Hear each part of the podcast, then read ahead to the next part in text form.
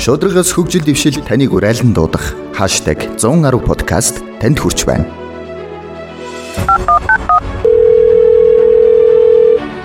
Авилгатай тэмцэх газар таныг сонсож байна. За сайн байцгаана уу. Тэгэхээр #110 подкаст лайв маань энэ удаагийн зочноор таван сонгуулийн ерөнхий орооны хууль эрхцэн хэлцээний дарга Бат Эрдэнэийг урьж харилцуулж байна. За тэгэхээр Бат Эрдэнэ маань өнөөдөр сонгуулийн болж байгаа холбоотой улсын хурлын ээж сонгуул болж байгаа холбоотой сонгуулийн эрхцэн хууль тогтоомж за мөн сонгуулийн байгууллагын үйл ажиллагааны ил тод байдал за улс төрийн намын санхүүжилтийн ил тод байдал үйл ажиллагааны ил тод байдал а зэрэг сэдвэр та бүхэнд мэдээлэл өгнө. Тэгэхээр шинэ за тэгэхээр маск тавьчих болох болов. Яхаа маск ярих төгсөөр зүг авч тэ. За. За тэгэхээр авилгатай тэмцэх үндэсний хөтөлбөр маань хэрэгжээд эхэлж байгаа. Хэрэгжээд явж байна. За тэгэхээр авилгатай тэмцэх үндэсний хөтөлбөрийн маань 9 дугаар зорилтод улс төрийн хүрээний шудраг байдлыг бэлжүүлэх нэ гэсэн зорилт орсон байдаг. За энэ хүрээнд болохоор улс төрийн намын Улсын хурлын сонгуулийн тухай хуульд улс төрийн намын сонгуулийн санхүүжилттэй холбоотой за түүнийг нээлттэй ил тод байлгахтай холбоотой маш олон зохицуултууд шинэлэг юм зохицуултууд орсон. За ер нь бол сонгуульд оролцогч нам эсвэл нэр дэвшигчдийн сонгуулийн зардал нээлттэй ил тод байх ёстой. Олон нийтэд мэдээлэлтэй байх ёстой. За энэ мэдээлэлтэй байсны үндсэн дээр одоо сонгогч одоо сонголтоо хийх боломжтой байх ёстой гэдэг ийм одоо үзэл баримтлалын хувьд бол энэ хууль баримталж олон зохицуултууд орсон байгаа. За түүний нэг нь бол за ерөөсөө нэр дэвшигч хөрөнгө орлогын мэдүүлгээ шууд авилгатай тэмцэх газарт мэдүүлж тухайн хөрөнгө орлогын мэдүүлгийн сонгогчдод нээлттэй ил тод байхаас эхэлж байгаа. Энэ юу гэхээр зэрэг сонгуульд оролцож байгаа нэр дэвшигч болон нам ажлаас одоо ямар хэмжээний зардалтайгаар энэ сонгуульд анх орох гэж байна гэдгийг сонгогч нэгдүгürt мэдэх шаардлага болж байгаа. За ингээд сонгуулийн сурчлагын хугацаанд хинээс хэдэн төгрөгийн хандивыг цуглуулгаа сурчлагаандаа юу нэг хичнээн төгрөгийн зардлыг гаргаад байгаа юм гэдгийг бас сонгогч нээлттэй ил тод мэдчих хэвээр. Энийг хангахын тулд маш олон зохицуулт болсон. За түүний нэг нь бол урд өмнө бол хууль ерөөсөй байгаагүй нэг зохицуулт бол санал хураалт болохоос 3 хоногийн өмнө явцын тайлан гаргах хэрэгтэй гэсэн зохицуулт байж байгаа. Өөрөлдөх юм бол өмнө дандаа санал хураалт дууснаас хойш 45 хоногийн дараа одоо зардлын тайлан гаргаад өөрөлдөх юм бол тэр нь сонгогч аливжийн сонголтоо хийчихсэн. Мөн дээрээс нь тухайн хүний зардлыг яг төдийлөн сонирхох ач холбогдолгүй болцсон үед нь одоо тайлангийг авдаг гэсэн бол одоо сонголтоо хийхээс нь өмнө тайлангийг аваад за тэр тайлангийг олон нийтэд нээлттэй мэдээлэх хэрэгтэй. Үндэсний аудитын газар бол явцын тайлбар хүлээж аваад өөрийн одоо байгууллагын цахим хуудасаараа сонгогчд нээлттэй ил тод мэдээлэх хэрэгтэй байж байгаа. За ингээд өөрөлдөх юм бол сонгогч маань энэ хүн анх хэдэн дөрөвтэй сонгуульд оров. За хэдэн дөрөв сонгуул зарцуулж байгаа гэдэг хүртэл мэдчихэж сонголтоо их ийм боломж нь бол бүрдсэн байж байгаа. За энэ агуулгаар ер нь үндэсний авилгаас үндэсний хөтөлбөрт тусгагдсан сонгуулийн зардлын нээлттэй ил тод байдлыг хангах энэ зорилтын хүрээнд бол бас тодорхой эргэцэн орчин бий болсон. За одоо яг энэ сонгуулиар бол үр дүн өнөө үзнэ гэсэн төсөөлөлтөй байна да. Аа за. Тэгэхээр нийт дэвшигчнүүд маань одоо үйл ажиллагаанд одоо бас шинэ хуулиар онцлог тийм зохицуулт сурталчилгаатай холбоотой бас гарч ирж байгаа юу. Сая бол та сандвийн талаар ярьлаа тий. Хоёулаа бас сурталчилгаатай холбоотой асуудал яриад дараа нь эргээд танд руугаа бас орж ирээ. За ер нь бол сонгуулийн сурчлагын үндсэн зарчим нь зөвшөөрснөөс бусдыг хориглоно гэдэг ийм зарчим дээр байгаа. Тэгээ яг зөвшөөрөж байгаа нь юу юм бэ гэхээр сонгуулийн тухай улсын хурлын сонгуулийн тухай хууль дээр яг 8 төрлийн арга хэлбэрийг л хуульчилсан байдаг. Энэ 8 төрлийн арга хэлбэрээр сонгуулийн сурчлагыг явуулна гэдэг.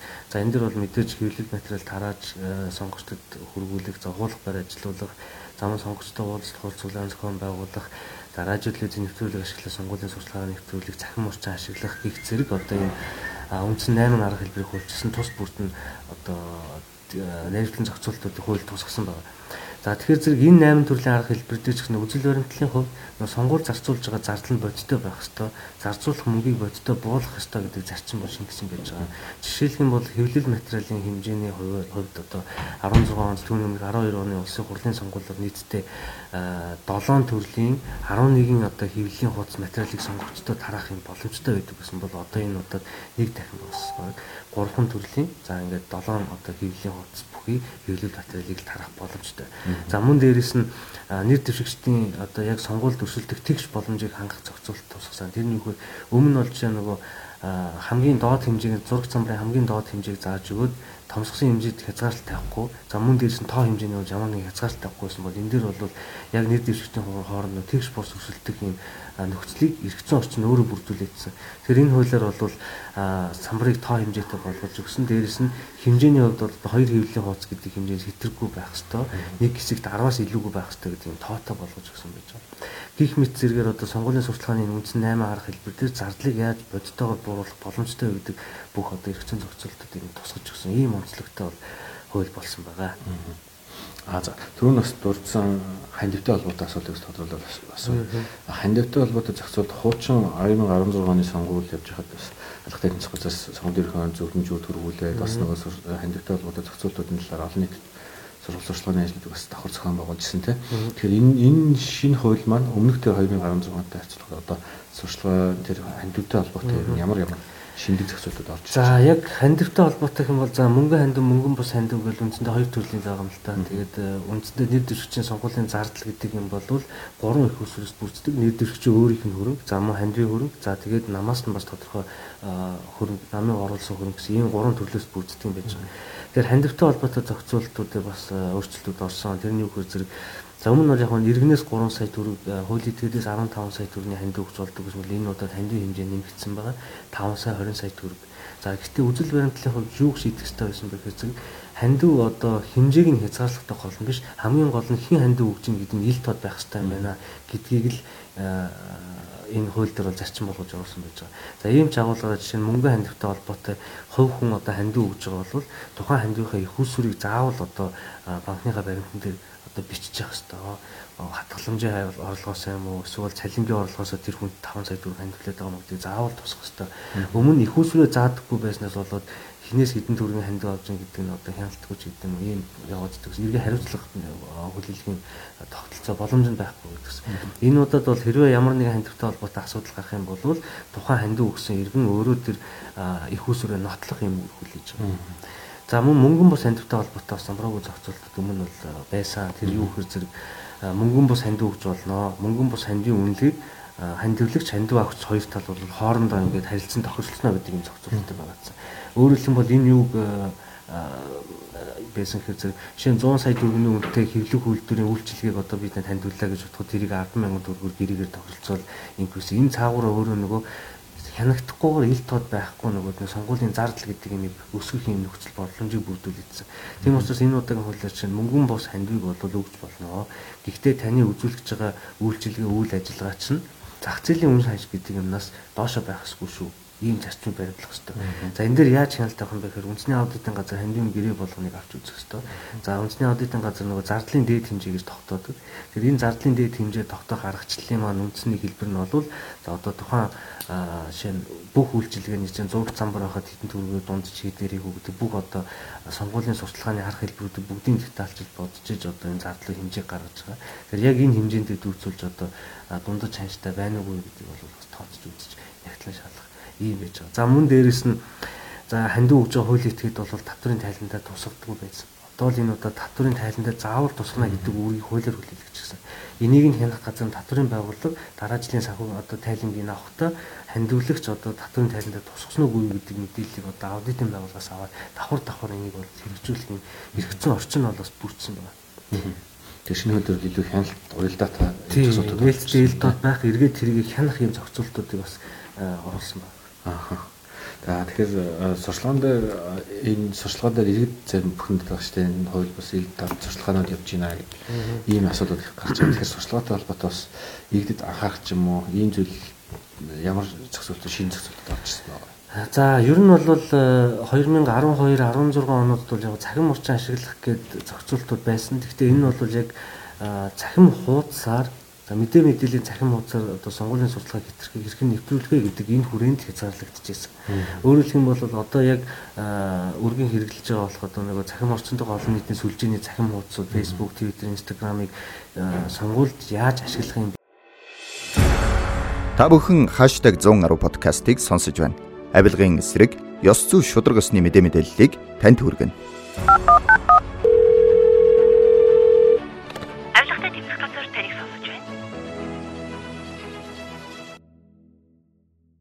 Түүнд хэрхэн хяналт тавих юм бэ? Яаж хариуцлагатай байлгах юм бэ гэдэг техникийн шийдэл Монгол улсад бас үндсэндээ байгаагүй учраас энэ зохицуултууд тусагдахгүй яваадсан.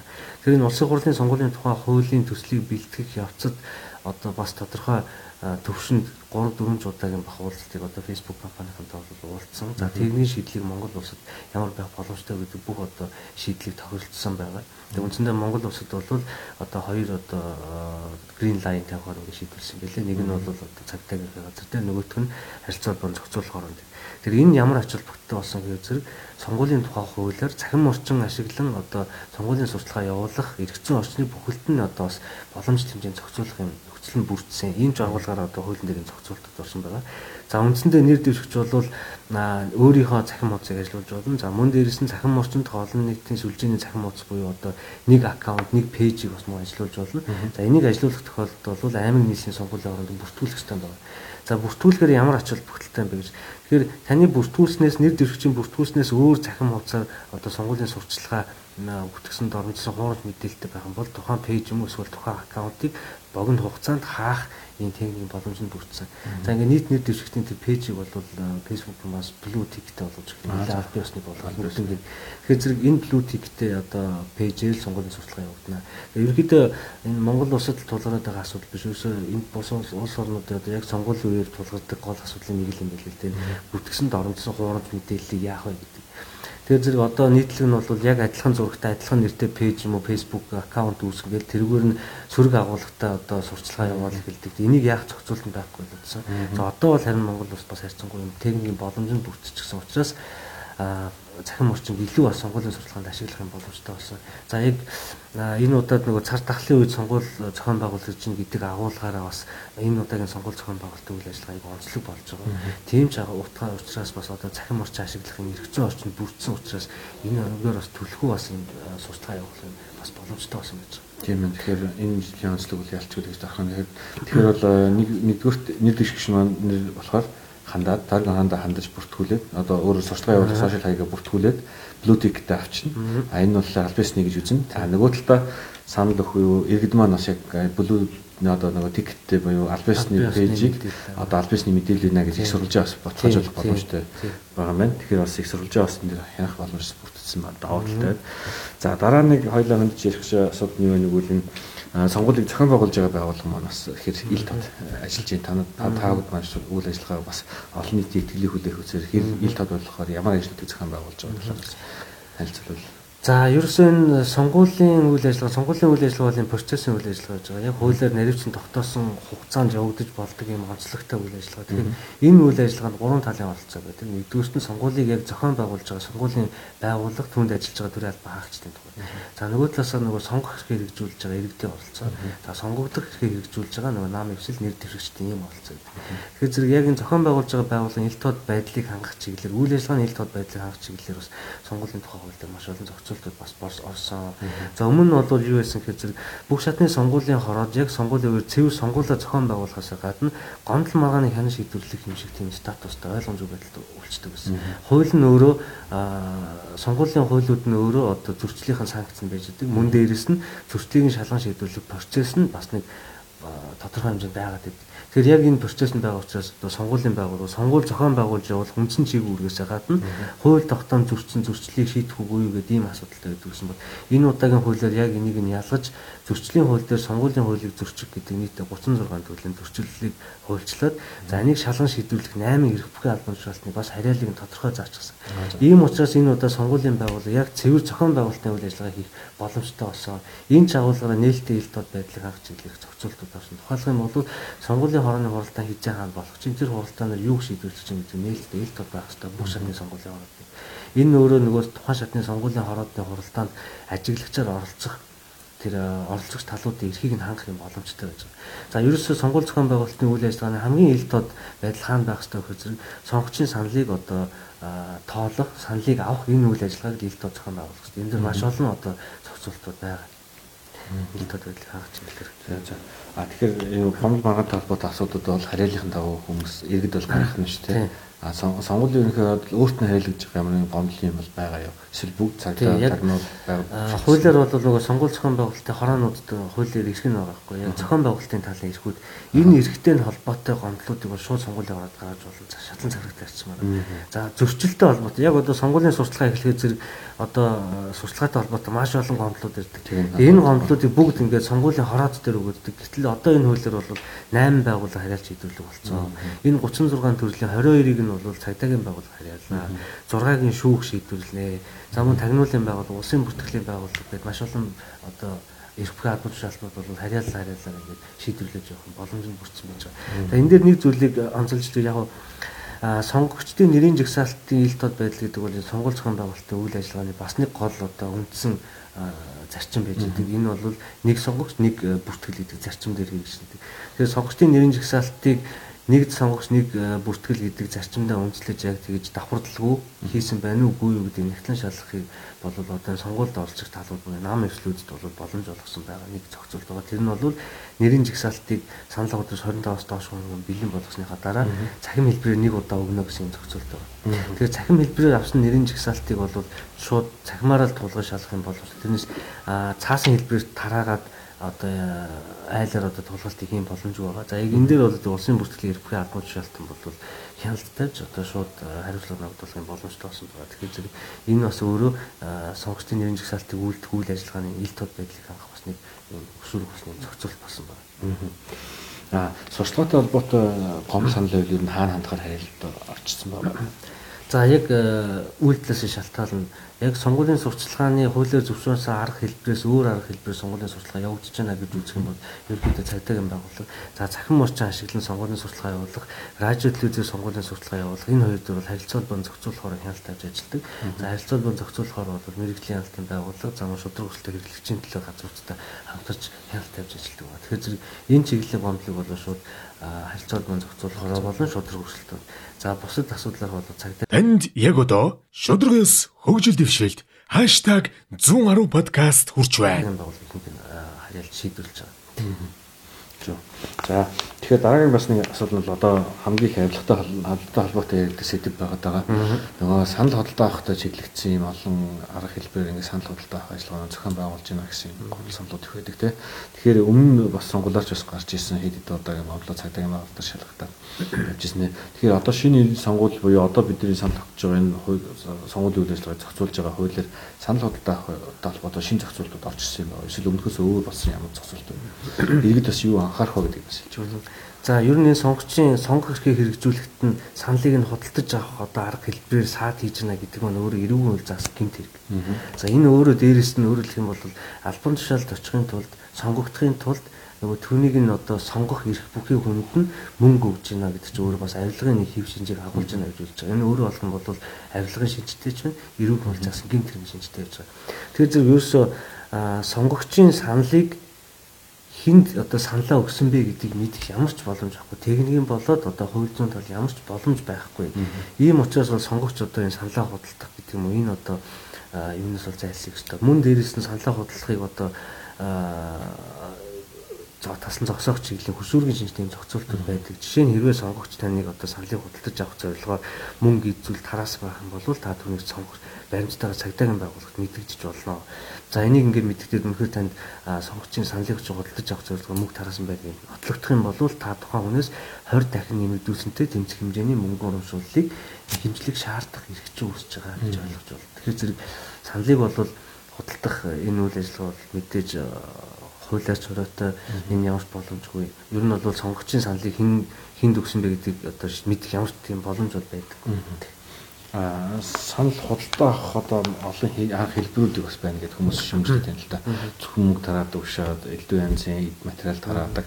А тэгээд нөгөө сонгуулийн жил эхлэхээс өмнө бас энэ зохицуултууд байгаа. Тэгэхээр манай энэ санал худалдаа авах чиглэлийн хоригсын хязгаарлалт маань сонгуулийн жилдээ л хамаарат байна асуудлууд нь. Улсын хурлын сонгуулийн тухай хуулийн зохицуулах харилцааны хугацааны хувьд бол ээлжид сонгуулийн жил эхэлснээс хойш санал хурааж дуустал хүртэлх энэ хугацаанд хоригдсон хэм хэмжээ байгаа байхгүй. Тэгэхээр зэрэг энэ хугацаанд бол сонгогчдын саналыг татах зорилгоор мөнгө эд зүйл тараах, бараа материал хөнгөлтөө өнөр худалдах, за одоо нөгөө уучаа дүүснэ одоо уралдаан тэмцээн баяр наадам хин нэгэн хүний нэг дээр ивэлдэр ингээл зохион байгуулад гэдэг энэ бүх зүйлийг бол хоригдчихсан байж. Хэрвээ ийм үйл ажиллагаа явуулсан байна гэдэг нь тогтоох юм бол тухайн хүнийг Та бүхэн #110 подкастыг сонсож байна. Авилгын эсрэг ёс зүй шудраг ёсны мэдээ мэдээллийг танд хүргэнэ.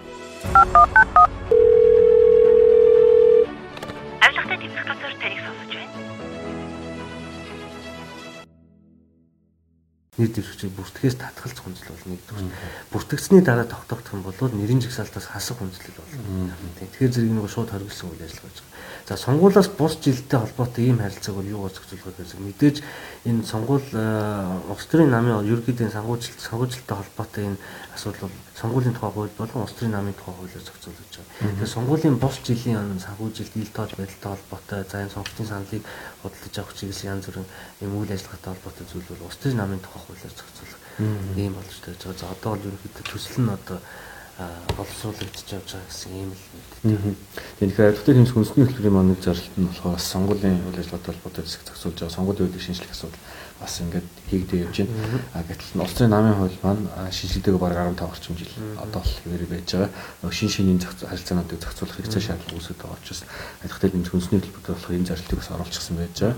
Энэ чиглэлээр бас хэд удаагийн хилцүүлгүүд хийгдээд бас тодорхой ажлууд бас ингээд өрнөө явж байгаа.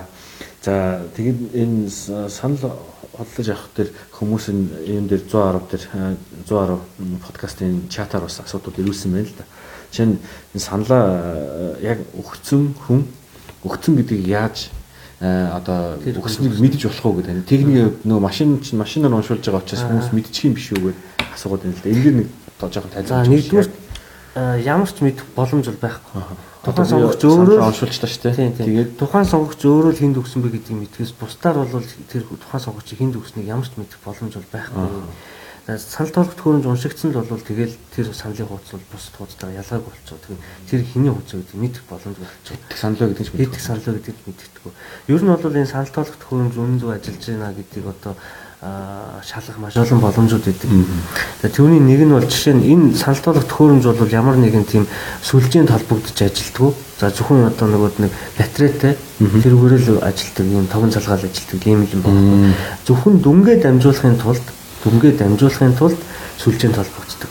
За тэгвэл сүлжээнд холбогдохынхаа өмнө тухайн одоо санал ах байран дээр ажиллаж байгаа бүх хүмүүс сүлжээнд холбогдоод энэ төхөөрөмж ийм л дүнг дамжуулна шүү гэдгийг урьдчилаад эхлээд өгчдөг нөх хүмүүстэй. За өөрөөр хэлбэл санал толох санал хураалтын дүнгийн явцыг сонгуулийн ерөнхиөр одоо шууд ингээд ирэх болгонд нь одоо лайв ингээд хийгээд үзүүлдэг. За өөрөөр хэлбэл танд өгсөн санал саналын хуудас төхөөрөмжөөс гарсан биел манай сонгуулийн ерөнхий орны төв серверт ирэхдээ зөрсөн байвал харин асуудал байна гэж шууд хардах боломжтой. Гэтэл яг тэрийг ингээд шалгаад харж байгаа учраас зүрх юм боломжгүй байсан. За хоёрдугаарт нь зэрэг дүнгээ ингээд байгаа. Хоёрдугаарт нь санал тоолох төхөөрөмж уншигдсан бүх саналын хуудсуудыг зурган файл болгоод төхөөрөмж өөр хадгалцдаг. За энэ зурган файлыг одоо тэнд байгаа ажиглагч бүх хүмүүст нь одоо CD-н дээр хуулаад өгчдөг. Өөрөөр хэлбэл танд өгсөн цаасаар өгсөн биел энэ дотор уншигдсан бүх саналын хуудасны зургнууд юу чинь тэн дээрс ингээд тоолоод нөгөө дүнтэй чинь тохирж ийн үгүй шалах юм боломжтой байдаг. За тэгэнгүүт бас нэг өөр шалгах дахиад нэг боломж. Тэр нь юу гэхээр үнэхээр боддоор тэр төхөөрөмжөд уншигдсан саналын хуудас нэг бүрчэн тоолох юм боломж байна. Тэр нь юу гэхээр санал санал хураалт дуусны дараа нийт хэсгийн одоо 50 хүртэл хувьд нь хяналтын тооллого хийх юм зохицуулт байж байгаа. За ингээд хяналтын тооллого хийхтэй холбоотой мэдээж нөгөө хяналтын тооллогоо яаж сонгох вэ гэдэг юм асуудал гарна л та. Тэгэхээр энэ дээр бол ийм хардлага байдаг. Урчлаад энэ төхөөрөмжүүдэд бэлдсэн эсүүдээ одоо ингээд сонгоод тэрийгэ тоолчихдна гэсэн юм асуу. Тэгэхээр зэрэг энийг алийг нь сонгох вэ гэдэг ерөөсөө сонгуулийн альч байгууллага шийддэг.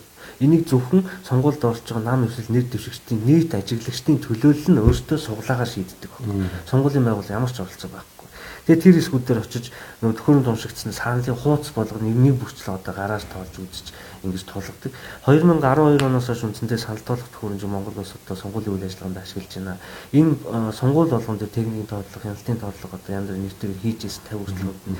За яг ингээ нэгч одоо тэр саналын санал тоолох төхөөрөмжөс гарсан дүн болон тэнд төхөөрөмж уншигдсан саналын хуудас дээр бичигдсэн дүн хоёр нэг ширхээс зуржсэн тохиолдол бол байдгүй. Э, магадгүй зарим хүмүүс ингээл тэр төхөөрж ингэж хаагдаг гэл янз бүрийн ярьж л байдаг. Гэхдээ яг бодиттой энийг ингэсэн гэдэг нэг ч гомдлын нэг тийм аргаан бол байдгүй. За хоёулаа нэг лайв шоуд явж байгаа. Тэгээд энэ дэр бас асуултууд бас ирж байна. Би заримаас нь асууя. Энэ дэр энэ саналын хуудасныхаа зургийг одоо санал саналынхаа хуудасны зургийг авах юм бол шийтгэлтэй мүү гинэ. Оройр нөгөө санал уншуулахаас өмнө зураг авчих юм бол энд юусэн юм хоёр юм хоригдож байгаа. Нэгдүгürt нь таны саналыг худалдаж авахыг оролдож байгаа тэр үйлдэлийг хоригдож байгаа нэг талаас. Нөгөө талаас та өөрөө саналаа зарах гээд байгаа үйлдэлийг бас хоригдсан зохицуулт байгаа. Тэр нь өөрөөр хэлбэл нөгөө сонгогч санал тэмдэглэсэн хуудасаар зургийг аваад а нэр дэвшигчд одоо юу гэдэг би таны төлөө саналаа өгсөн гэдэг юм уу нөгөө саналаа худалдах байгаа үйлдэл хоригдсон хязгаарлалтууд байгаа. Тэр нь юу гэхээр За нэгдүгürt нь саналаа одоо саналын хуудасыгаа зургийг баримжуулах зорилгоор одоо утас камерын юм сонгуулийн одоо хэсэгт санал өгөх үедээ ашиглахыг хөргөлсөн байж байгаа. Тэгээ энэ зохион байгуулалт арга хэмжээгээр хэсгийн ороод давж ажилладаг. За ямар нэгэн байдлаар зургийг авах гэж оролцсон зургийг авсан тохиолдолд бол зөрчлийн хуулиар 10 сая төгрөг хүртэлх одоо хариуцлага оногдуулахаар хуульчилсан байгаа шүү. Энийг бас сонгогчд анхаарах хэрэгтэй. Заримдаа энийг саналаа худалдах зорилго агуулаагүй ч гэсэн магадгүй би сонгуульд оролцсон юм а гэдгийг илэрхийлэх зорилготой урд өмнө сонгуулиудад харж байсан байхгүй. Facebook-ээр постлог өөрийнхөө зургийг саналын хуудасны зургийг постлчихсан юм байгаад. Тэгэхээр энэ бол өөрөө хуулиар хориотой үйлдэл юм шүү. За ер нь бол саналаа өгч сонгуульд оролцох нь бол идэвхтэй байх нь бол сайн хэрэг, сайн оролцоо. А гэхдээ тэрийг ингэж баримтжуулсан нь бол тэрийг заавал илтгэх одоо тийм нэг үзүүлэх болохгүй Тийм тийм учраас энэ бол өөрөө зөрчил учраас энийг бас анхаарах хэрэгтэй. Аа саналын онцны зураг бол шийтгэлтэй мөөл гэсэн мэнд бас дараагийн асуулт нь.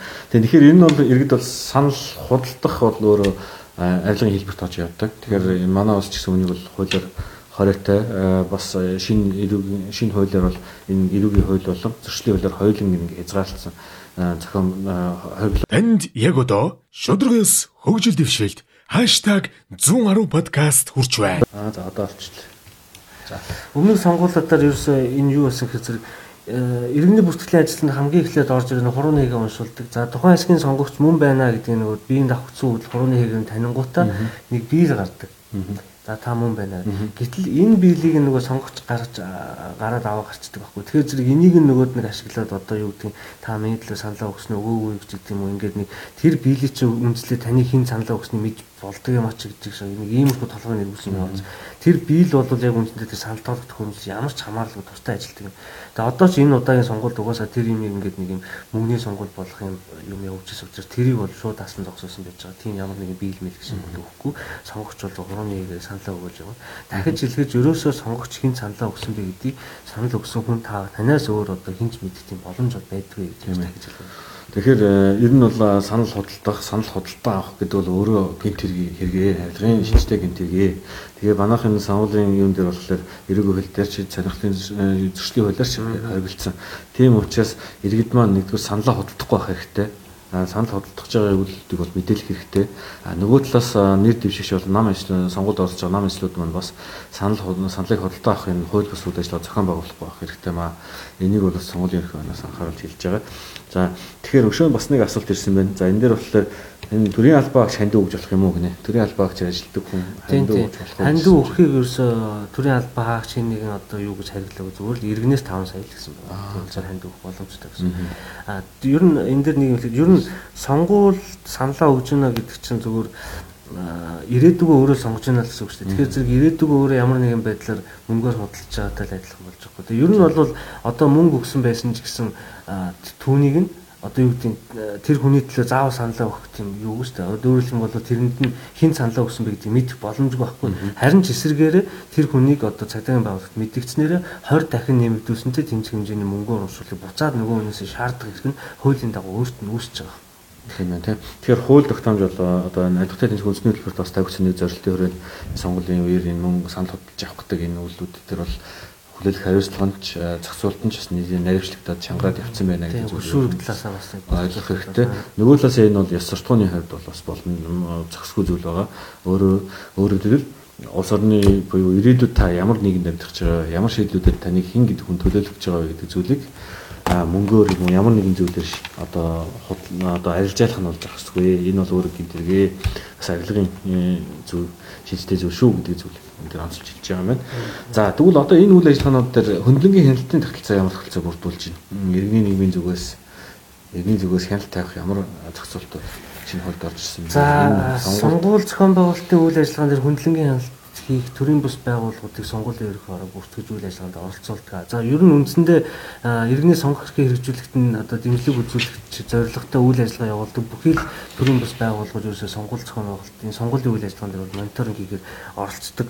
Жишээлбэл бол нийтийн нийгэм хүрээлэн за ингээд өнгөрсөн сонгуулиор бол жишээ нь шудраг сонгуульд иргэний нийгмийн хяналт сүлжээ гэдэг нөгөө төрийн бас байгууллагууд маань нэгдээд энэ нэг сүлжээ болоод тэгэж нэг орж ирэнгүүт одоо бүх сегментүүд дээр нь сонгуул зохион байгуулалт үйл ажиллагаанд өөр өөртөө чиглэл ингээд хяналтад явж явсан гэж байгаа. Тэр энэ байдлаар төрийн бас байгууллагуудын үүрэг оролцоо маш их байдаг.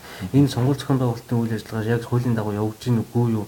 Ямар нэгэн буруу одоо хууль зөрч үйл байна уугүй юу гэдэг дээр олон нийтэд зүүн мессежийг өгөхөд энэ төрийн бас байгууллагуудын оролцоо маш чухал үүрэгтэй байдаг. За мөн дээрэс нь гадаадын энэ одоо төрийн бас байгууллагуудын олон улсын байгууллагуудын ажиглагч нарын үүрэг оролцоо өндөр байдаг. За гэхдээ энэ удаад бол яг энэ цар тахлын зохион байгуулж холбоотойгоор бас тийм одоо өргөн хэмжээний одоо ажиглагч бол ирэхгүй байхаа гэж ойлгож байгаа. За өнөөдөр энэ иргэний байгууллагууд бол энэ жил бас нэлээд өвөө оролцох юм гэж ойлгож байгаа.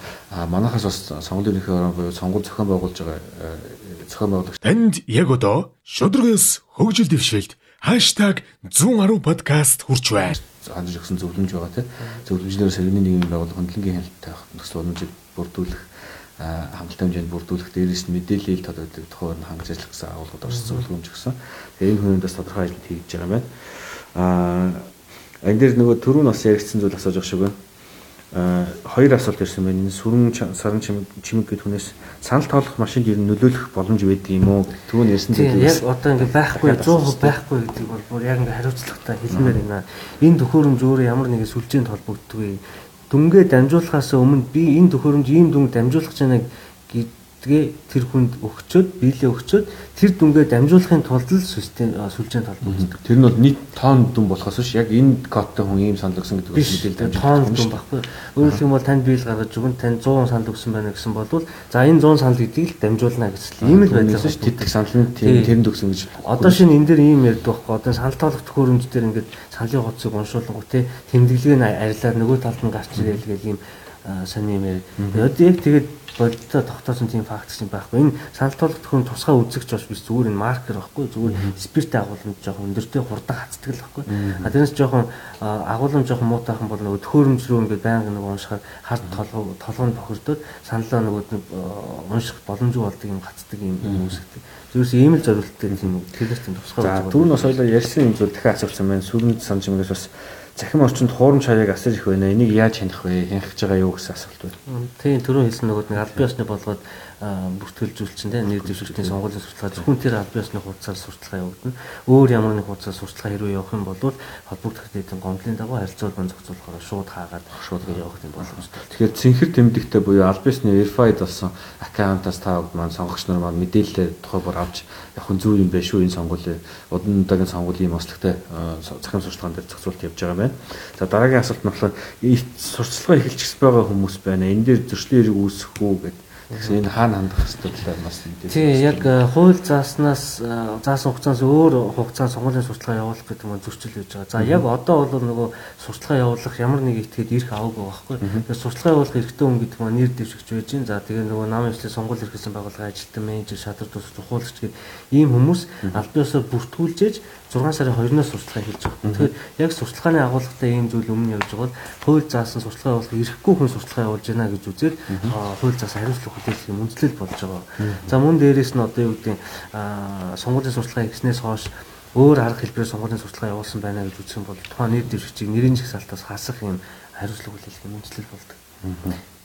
За ажиллаа. А тэгэхээр э, юу нэр дэвшигч маань нөгөө нэр дэвшигчийн үнэлгийг гарч явснаас эхлээд нэр дэвшигч болохоор сурталчилгаа эхлэх боломжтой болно гэж ойлгох нь шүү дээ. Тийм хууль зааснаа 6 дугаар сарын 2-ны өдөр нэр дэвшигчийн үнэлэх болгоод үнэлэх болгоснороо сонгуулийн сурталчилгаа эхэлнэ. За сонгуулийн сурталчилгаа бол нийтдээ 21 хоногийн хугацаанд явагдана. 6 сарын 22-ны өдрийг дуустлагын хугацаанд сурталчилгаа. Аа зочин хин бэ гэсэн байна. За би дахиад танилцуулъя. Сонгуулийн ерөнхий орны хууль эрхцэн хилцээний дарга Бат Эрдэнэ гэдэг зочин маань ирсэн байна. За та бүдэд бас сонгуулийн авилгатай тэмцэх үндэсний хөтөлбөрт болсон сонгуул улс төрийн намын санхүүжилтийн ил тод байдлыг хангуулах талаар бас тодорхой зорилтууд бол орчихсон байдаг. За энэ хүрээнд энэ одоо явах гэж байгаа сонгуулийн маань шинэ батлагдсан хуульд ямар хуу зохицуултууд шинэ зохицуултууд туссан юм бэ? Иргэд бас юу анхаарах ёстой вэ гэсэн зүйлүүд дээр бас холбогдох мэдээллүүдийг өгч байна. За өөр бас асуулт байвал бас бид асуулт хариулж болно. За тэгэхээр ерөнхийдөө бас авилгатай тэмцэх газраас маань цаг маань бас нэлээд өгч байна. Өөр асуултууд бас байхгүй байх шиг байна. За 110 дээр бас нэг ирсэн асуулт нь болохоор энэ нөгөө юуны асуулт байна л да. Энэ оржсэн түрүүнд бас тайлбар өгсөн дөө. Байр байр болон машина одоо түрээслүүлээд одоо ингээд хандвар хэрэглүүлэх тохиолдолд ямар үнэлгээгээр юу их ямар гэрээг их хэвчтэй бэ гэсэн асуулт. Тийм мөнгөн бус хандвал гэрэлтэй. Тэгэхээр энэ бол яг зах зээлийн хашаал хийх ёстой. Тэрнээс доош байж болохгүй гэж байна. Эргээд энэ дээр аудит хяналттай ажилладаг. Аудитын байгууллагаас ирсэн сонгуулийн санхүүжилт хандвийн тайлан дээр ямар хяналтуудыг тавихаар орж ирсэн байгаа вэ? Тэг яг энэ тайлантай холбоотой зарцуулалтын дээр нь тавих хяналт, за эргүүлээд нөгөө тайлгалт дээр нь тавих хяналттай холбоотой аудитын байгууллагын эрхүүрэг оролцоог маш тодорхой хурцж байгуулсан байж байгаа. Тэг энэ дээр нь ерөөсөө нөгөө зарлын наас нээж байгаа банкуудын ч гэсэн чиг үүрэг оролцоог бас тодорхой хурцсан. Эргээд энэ банкуудтай холбоотой асуудал дээр хариуцлага хүлээлгэх эрх буй албан тушаалтныг тодорхой хурцсан. Энэ бол Монгол банкны эрх буй албан тушаалтан бол бас тэр хэсэг дээр хариуцлага гэж байгаа. Өөрөлдөх юм бол хариуцлагатай байх. Аль нэг банкн дээр нэр дэвших юм уу нам эсвэл зардлын данс нээсэн бол сонгуульд дууснаас хойш 10 хоногийн дотор нийт зардлын дансныхын одоо гүйлгээний хуулийг бол гаргаж аудитын байгууллага хөргүүлэх юм үүрэг хүлээж байгаа. Энэ удаад орсон зардалтай холбоотой нэг зохицуулт бол бэлэн мөнгөөр ерөөс зардал гарахгүй. Зөвхөн данснаас дансан. Өөрөлдөн бол хяналттай байх боломжийг бүрдүүлэх гэдэг байгаа. Ийм зохицуултад бас туссан байна. За тэгэхээр хоёулагийн цаг бас дуусч байна. За өшөө асуултууд байвал бас нэг хамгийн сүүлд нь тавих асуулт нь танах сонгуулийн энэ хууль тогтоомны талаар одоо мэдээлэл авах холбогдох утас утас байгаа юу эсвэл пэйж ажиллаж байгаа юу?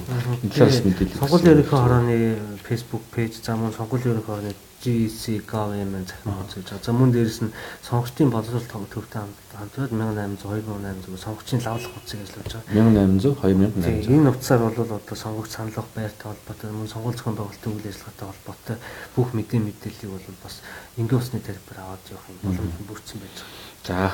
За тэгэхээр энэ энэ удаагийн зочинд э, манай #110 podcast live бас булнаар завгүй бахт их ажлын дунд ирж оролцсонд бас баярлалаа. Тэгэхээр манай энэ юун дээр энэ жилийн сонгуулийн юун дээр аялах дэмжих газартай их холбогдож байгаа нэг гол асуудал нь хөрөнгө оруулалт нийт дэвшигчийн хөрөнгө оруулалтын мэдүүлгийг бол олон нийт дийлтод болж байгаа. Өмнө нь бол бид нэр өмнөх их хурлын сонгуулиор бол бид бол цаасаа хэлбэр авч ирсэн бол энэ удаа анх удаа цахим хэлбэрээр нийт дэвшигчийн хөрөнгө оруулалт мэдүүлгийг авч байгаа.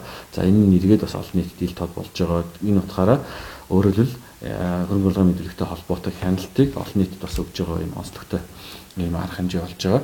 За тэгээд дээрэс нь энэ сонгуульд өрсөлдөхөөр бүтгүүлсэн хүмүүс маань нэр дэвшигч гэд үнэлгээ авснаар нэр дэвшигч гэсэн статус нь эхэлж байгаа. За ингэснээр авилгын сэрх хуулийн 4.1 дээр зааснаар сонгуульд бүх шатны сонгуульд нэр дэвшиж байгаа хүмүүс маань авилгын сэрх хуулийн үүрэгт хамаардаг.